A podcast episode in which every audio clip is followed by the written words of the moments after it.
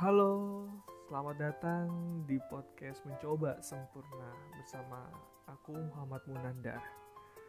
Jadi pada kesempatan kali ini aku akan uh, berbagi ya bersama teman-teman semua ya tentang apa yang aku rasakan ya dan apa yang aku ketahui. Jadi minggu lalu ya itu ada yang nge-DM aku ya. Dia request itu pingin dijelasin dan pingin uh, dikasih solusi tentang addiction ya atau kecanduan. Ya, jadi dia itu ngerasa bahwa dirinya itu kecanduan akan seksual gitu. Ya tanpa panjang lebar langsung aja ya kita bahas bareng-bareng untuk temanya yakni kecanduan menyiksaku. Oke, jadi sebelum kita ngomongin tentang kecanduan ya, teman-teman. Jadi otak manusia itu ada tiga bagian. Ya, otak manusia itu ada tiga bagian, bukan kanan kiri ya. Karena kalau otak kanan kiri itu itu termasuk hemisfer ya, yang terdapat di bagian neokortex ya. Jadi otak manusia itu ada tiga bagian. Apa aja? Yang pertama itu adalah bagian luar atau biasa kita sebut dengan istilah new cortex ya. Jadi uh, otak luar atau new cortex ini ini mempunyai tugas ya. Jadi tugas dia itu sebagai uh, yang menjadi pioner atau yang menjadi penanggung jawab pada pengambilan keputusan yang dilakukan oleh individu. Ya, pengambilan keputusan, perumusan bahasa, atau hal-hal tentang numerik kayak matematika, atau perencanaan, kita kayak ngebuat plan atau ngebuat strategi. Nah, itu tugasnya dari new cortex, tugasnya dari otak bagian luar ya kalau bahasa kita itu ya otak luar itu kayak CEO-nya gitu. Atau pusat kendalinya ya di situ gitu.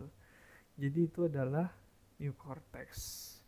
Ya jadi ketika kita mau ngebuat strategi nih atau atau membuat plan nah itu tugasnya dari new cortex. Nah, internal calculation juga termasuk. Apalagi ya uh, misalnya teman-teman pingin mengambil keputusan ya. Ada dua pilihan nih dua opsi pilihan nih. Nah itu kalian kan pasti akan mempertimbangkan ya dua opsi itu. Nah itu tugasnya dari new cortex atau bagian otak luarnya manusia gitu.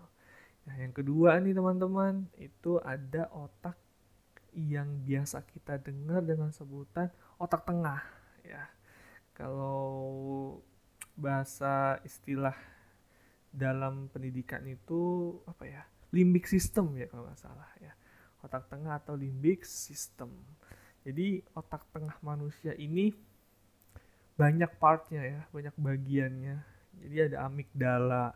Amigdala itu apa ya kayak uh, dia itu tugasnya itu menghubungkan manusia dalam berproses atau merasakan emosionalnya ya. Dan perilakunya. Jadi itu relate ya kaitan, ada kaitannya dengan emosional dan perilaku. Nah itu tugasnya dari amigdala ya. Nah terus yang kedua itu ada ya di limbic system itu partnya itu namanya hipokampus. Hipokampus tuh dia juga punya tugas ya job desknya itu apa ya kayak dia itu yang menjadi penanggung jawab dalam memproses emosi ya eh emosi memori ya emosi kan amigdala ya yang bertugas dalam memproses memori pada manusia. Nah kayak misalnya mengingat gitu mengingat hal-hal yang udah lampau atau yang baru-baru saja. Nah itu kan tugasnya dari hipo hipokampus ya. Terus yang ketiga itu ada part dalam limbic system itu adalah talamus dan hipo hipotalamus. Nah, dua hal ini ya, dua part ini yang talamus dan hipotalamus itu dia itu bagian yang bertanggung jawab dalam memproduksi hormon. Ya, ya produsen hormon lah gitu ya nggak sih? Produsen hormon yang digunakan oleh manusia oleh kita ya dalam merasakan sesuatu gitu. Ya hal-hal yang sedih atau hal-hal yang bahagia gitu. Singkatnya talamus dan hipotalamus itu tugasnya memproduksi hormon ya yang membuat kita merasa sedih atau merasa bah bahagia. Gitu ya. Uh, jadi semua perasaan itu yang tadi aku sebutin ya perasaan bahagia dan perasaan sedih itu itu disebabkan dari reaksi kimia dari otak ya atau neurotransmitternya. Gitu. Jadi talamus dan hipotalamus ini juga memproduksi ya yang perasaan-perasaan sedih dan bahagia. Dia memproduksi apa? Memproduksi hor hormon contohnya hormon negatif ya contohnya itu kortisol itu kan kortisol itu kalau nggak salah mem, apa memproduksi yang ada kaitannya dengan respon terhadap stres ya respon manusia terhadap stres. Terus hormon adrenalin terus neurovernafin itu kan termasuk hormon negatif ya.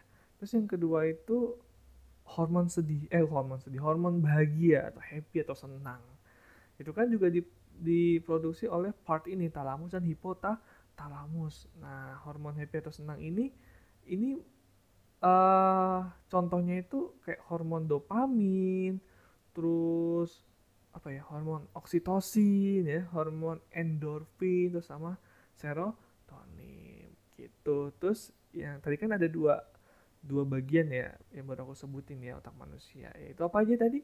Neokortex sama limbic system nah yang ketiga ini adalah otak reptil ya teman-teman ya otak reptil itu brainnya manusia atau otak otaknya manusia ya semua juga otaknya manusia jadi otak reptil itu jadi tugasnya itu dia itu memerintahkan tubuh kita ya ketika kita itu akan ada bahaya yang datang kepada kita. Nah, jadi otak reptil itu tujuannya itu ya tugasnya. Ya, contohnya misalnya teman-teman lagi ini nih, lagi lagi kebakaran ya contohnya ya. Nauzubillah min zalik ya teman-teman ya. Contohnya rumah teman-teman lagi kebakaran nih. Ya, tiba-tiba kan kalian melihat api ya nggak sih? Nah, itu kan tugasnya otak reptil. Wah, ada api nih bahaya nih jadi kalian tuh masa was-was jadi kalian tuh langsung langsung bergegas mencari perto pertolongan atau kabur dari tempat yang ada apinya itu karena apa karena otak reptil itu memerintahkan uh, kita untuk segera bergegas pergi karena itu membahayakan kita. Nah itu singkatnya gitu otak rep reptil. Nah balik lagi ke tema kita yaitu tentang kecanduan. Jadi kecanduan itu ada impactnya ya impact besarnya itu dari adanya hormon do dopamin yang tadi aku sebutin hormon dopamin yang ada di part talamus dan hipotalamus apa sih hormon dopamin itu? Nah kita akan bahas bareng-bareng ya. Hormon dopamin itu apa ya uh, neurotransmitter ya yang ngebuat kita itu merasa nikmat terus gitu. Dan gak hanya kenikmatan juga sih jadi hormon dopamin itu membuat kita tuh merasa excited gitu untuk mendapatkan sesuatu. Jadi ambisinya tuh ada gitu untuk mendapatkan hal itu gitu. Excited gitu untuk mendapatkan sesuatu yang belum kita dapatkan juga atau yang udah kita dapatkan tapi kita ingin mengulang untuk mendapatkan hal itu. Nah itu tugasnya dari hormon do dopamin. Jadi dia itu ngebuat kita seperti itu. Jadi singkatnya itu hormon dopamin itu membuat kita atau memberikan kita motivasi untuk mendapatkan sesu sesuatu bagus nggak tuh hormon dopamin nah nanti kita akan bahas ini bareng-bareng ya jadi dopamin ini ini kalau aku simpulkan ya dopamin ini hormon dopamin ini bisa bagus dan bisa buruk buat kita nah jadi hormon dopamin itu bisa kalian kontrol tapi hormon dopamin itu bisa juga kalian tidak bisa mengontrol. Malah dopaminnya itu yang mengontrol kalian. Paham ya sampai sini ya, ya. Jadi hormon dopamin itu bisa kalian kontrol ya dan hormon dopamin itu bisa juga dia yang ngontrol kalian. Nah, gitu. kayak misalnya kecanduan kalau kecanduan kan berarti hormon dopamin itu mengontrol kita ya mengontrol kita contohnya aku aku beri contoh ya contohnya itu uh, apa ya ngerokok ya misalnya ngerokok. Nah rokok itu eh, disebabkan karena apa? Kecanduan merokok. Ayo karena apa? Pasti kan kebanyakan dari kita menganggap bahwa oh orang bisa kecanduan merokok itu karena ada karena ada nikotinnya. Nah, ya itu salah ya, bukan karena nikotinnya, tapi karena di rokok itu terdapat hormon dopamin ya. Terdapat do dopamin yang menstimulasi nikotin sehingga apa? Sehingga orang-orang itu jadi kecanduan nge ngerokok gitu. Nah, itu contoh dari dopamin mengontrol kita. Nah, terus tadi kan ada dua juga ya, yaitu kita bisa mengontrol do dopamin. Contohnya apa? Contohnya itu kayak misalnya kita dalam sebuah kompetisi ya atau kerja lah gitu aja. Nah, kita itu ada ambisi untuk mendapatkan atau ada excited perasaan excited untuk mendapatkan achievement ya di kantor itu. Pingin dapat naik jabatan gitu. Nah itu juga hormon dopamin yang mengatur kita ambisi. Nah jadi tinggal teman-teman pilih teman-teman mau dopamin yang mengontrol kalian, eh ya itu membuat kalian kecanduan atau kalian yang bisa mengontrol do dopamin. Gitu. Nah aku juga pernah baca tuh ya. Kalau nggak salah itu insya Allah nama bukunya itu ditulis oleh Daniel Lieberman. Ya judul bukunya itu apa ya? The Molecule of More. Ya itu kalau nggak salah. Ya. Uh, jadi di buku itu menjelaskan yang ada kaitannya dengan hormon-hormon manusia salah satunya hormon do dopamin. Ya jadi ketika orang sudah uh, hormon dopamin itu sudah masuk ke dalam tubuh manusia ya jadi perasaan orang ya perilaku orang sikap orang itu orang itu tidak mau berganti dari yang biasanya menggunakan hormon dopamin menjadi hormon hirenau. Ya hirenau itu kayak hormon oksitosin oksitosin gitu.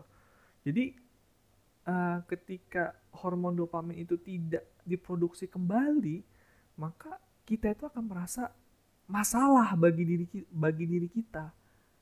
Ya aku beri contoh ya. Contohnya itu kayak misalnya kita ngerokok nih.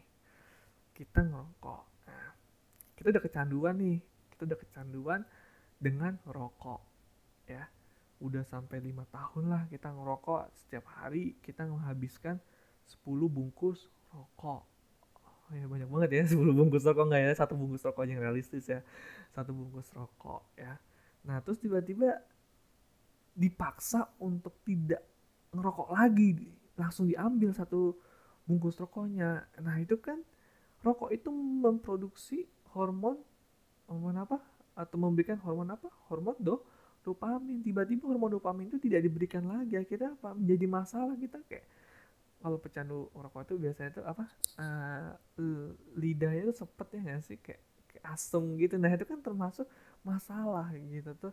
Kita kayak ngerasa gelisah gitu. Nah itu termasuk contohnya. Terus contoh lain uh, seks ya sesuai dengan uh, problem case yang uh, diri yang request tema ini ya. Contohnya seks ya dia biasanya nge-seks nih di luar nikah ya. Terus tiba-tiba nggak nge-seks lagi. Nah itu kan pasti akan ada perbedaan gitu. Karena seks itu menciptakan dopamin ya. Menstimulasi dopamin sehingga kita tuh kepengen untuk nge-sex terus ya.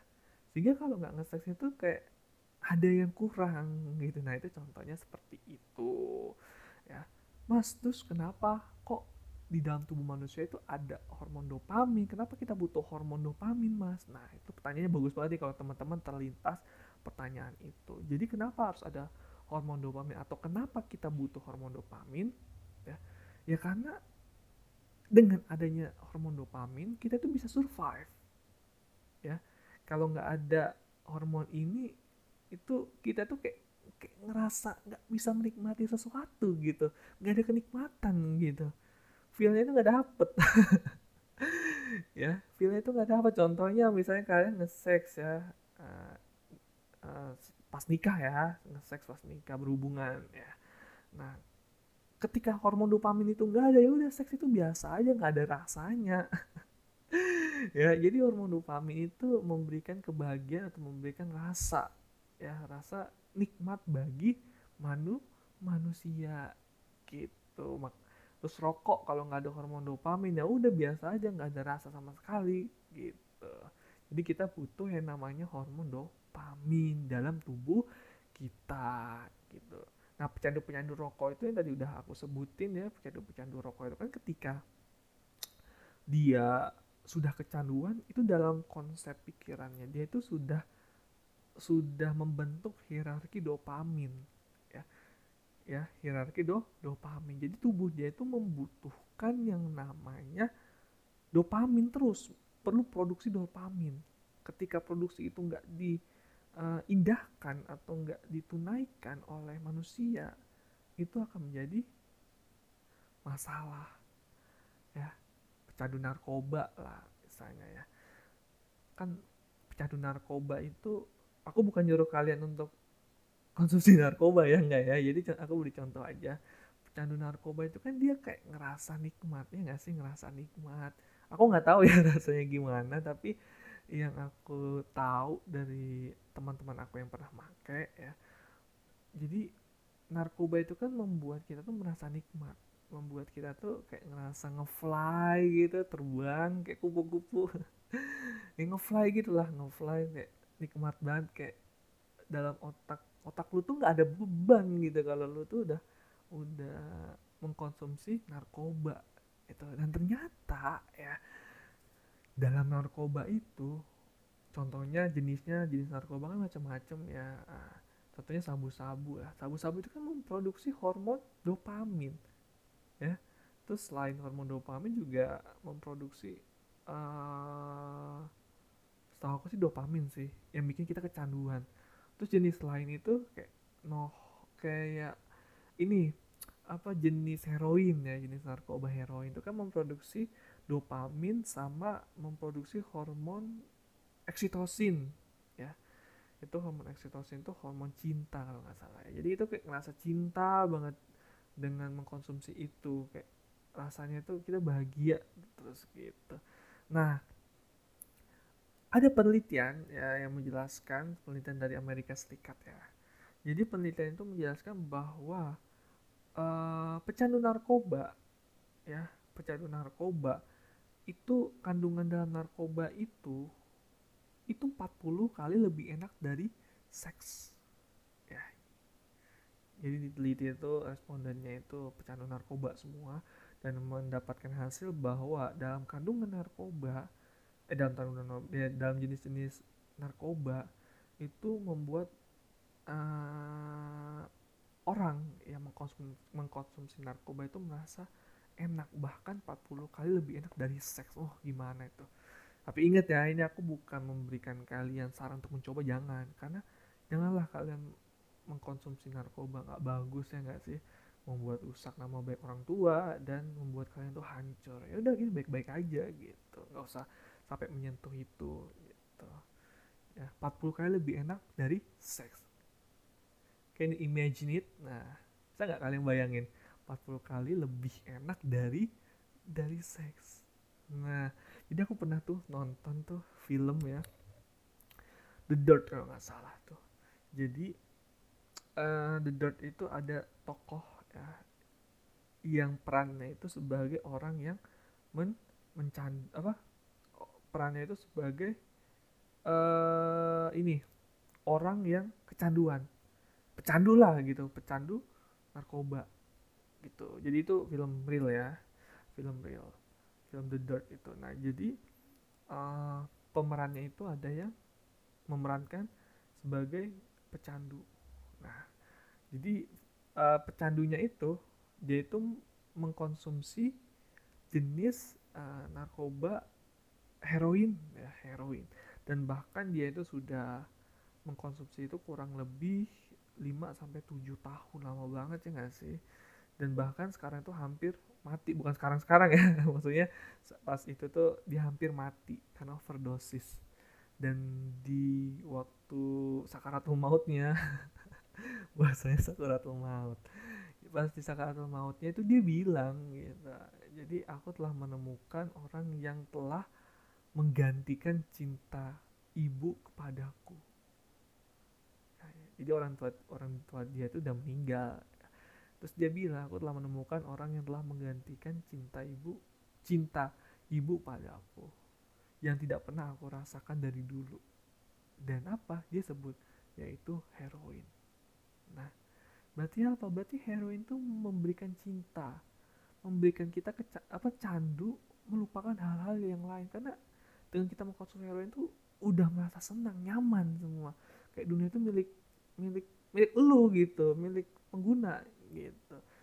Karena apa? Heroin itu memproduksi apa? Tadi aku sebut di atas apa? Oksitosin dan do dopamin. Nah gitu. Nah oke okay, kita langsung masuk ke solusinya ya jadi aku tadi ngejelasin tentang narkoba seks itu bukan berarti kalian harus mengikuti itu. Jangan ya kalian cukup jadiin pembelajaran aja bahwa jangan sampai kalian nyesel di akhir. Yang baik-baik aja lah ya enggak sih? Nah itu solusi nih solusi kita ya ketika kita sudah menjadi pecandu. Jadi pecandu ini nggak hanya pecandu narkoba pecandu seks enggak ya pecandu itu banyak banget ya nggak sih? Candu main game addiction game online terus apa ya candu sosial media ya nggak sih? TikTok terusan TikTok TikTok terus-terusan terus candu game online candu uh, apa ya candu ini candu body shaming. Kan body shaming oh ini orang nih kerjaannya body shaming ini kan termasuk kecanduan karena kalau dia nggak body shaming itu nggak menghina orang itu nggak nikmat. Ini banyak banget ya macam-macam kecanduan ya. Jadi solusinya itu yang pertama itu yang aku saranin buat kita semua ya. Yaitu yang pertama itu jauhi stimulan yang menyebabkan munculnya hormon dopamin yang bikin kita kecanduan ya. Singkatnya itu kita menjauhi atau menghindari sumber yang menciptakan atau memproduksi apa? Hormon do dopamin. Aku beri contoh ya. Contohnya ya kalian hindari misalnya itu diajak oleh teman-teman kalian. Ya teman-teman kalian. Teman-teman kalian untuk ngumpul nongkrong.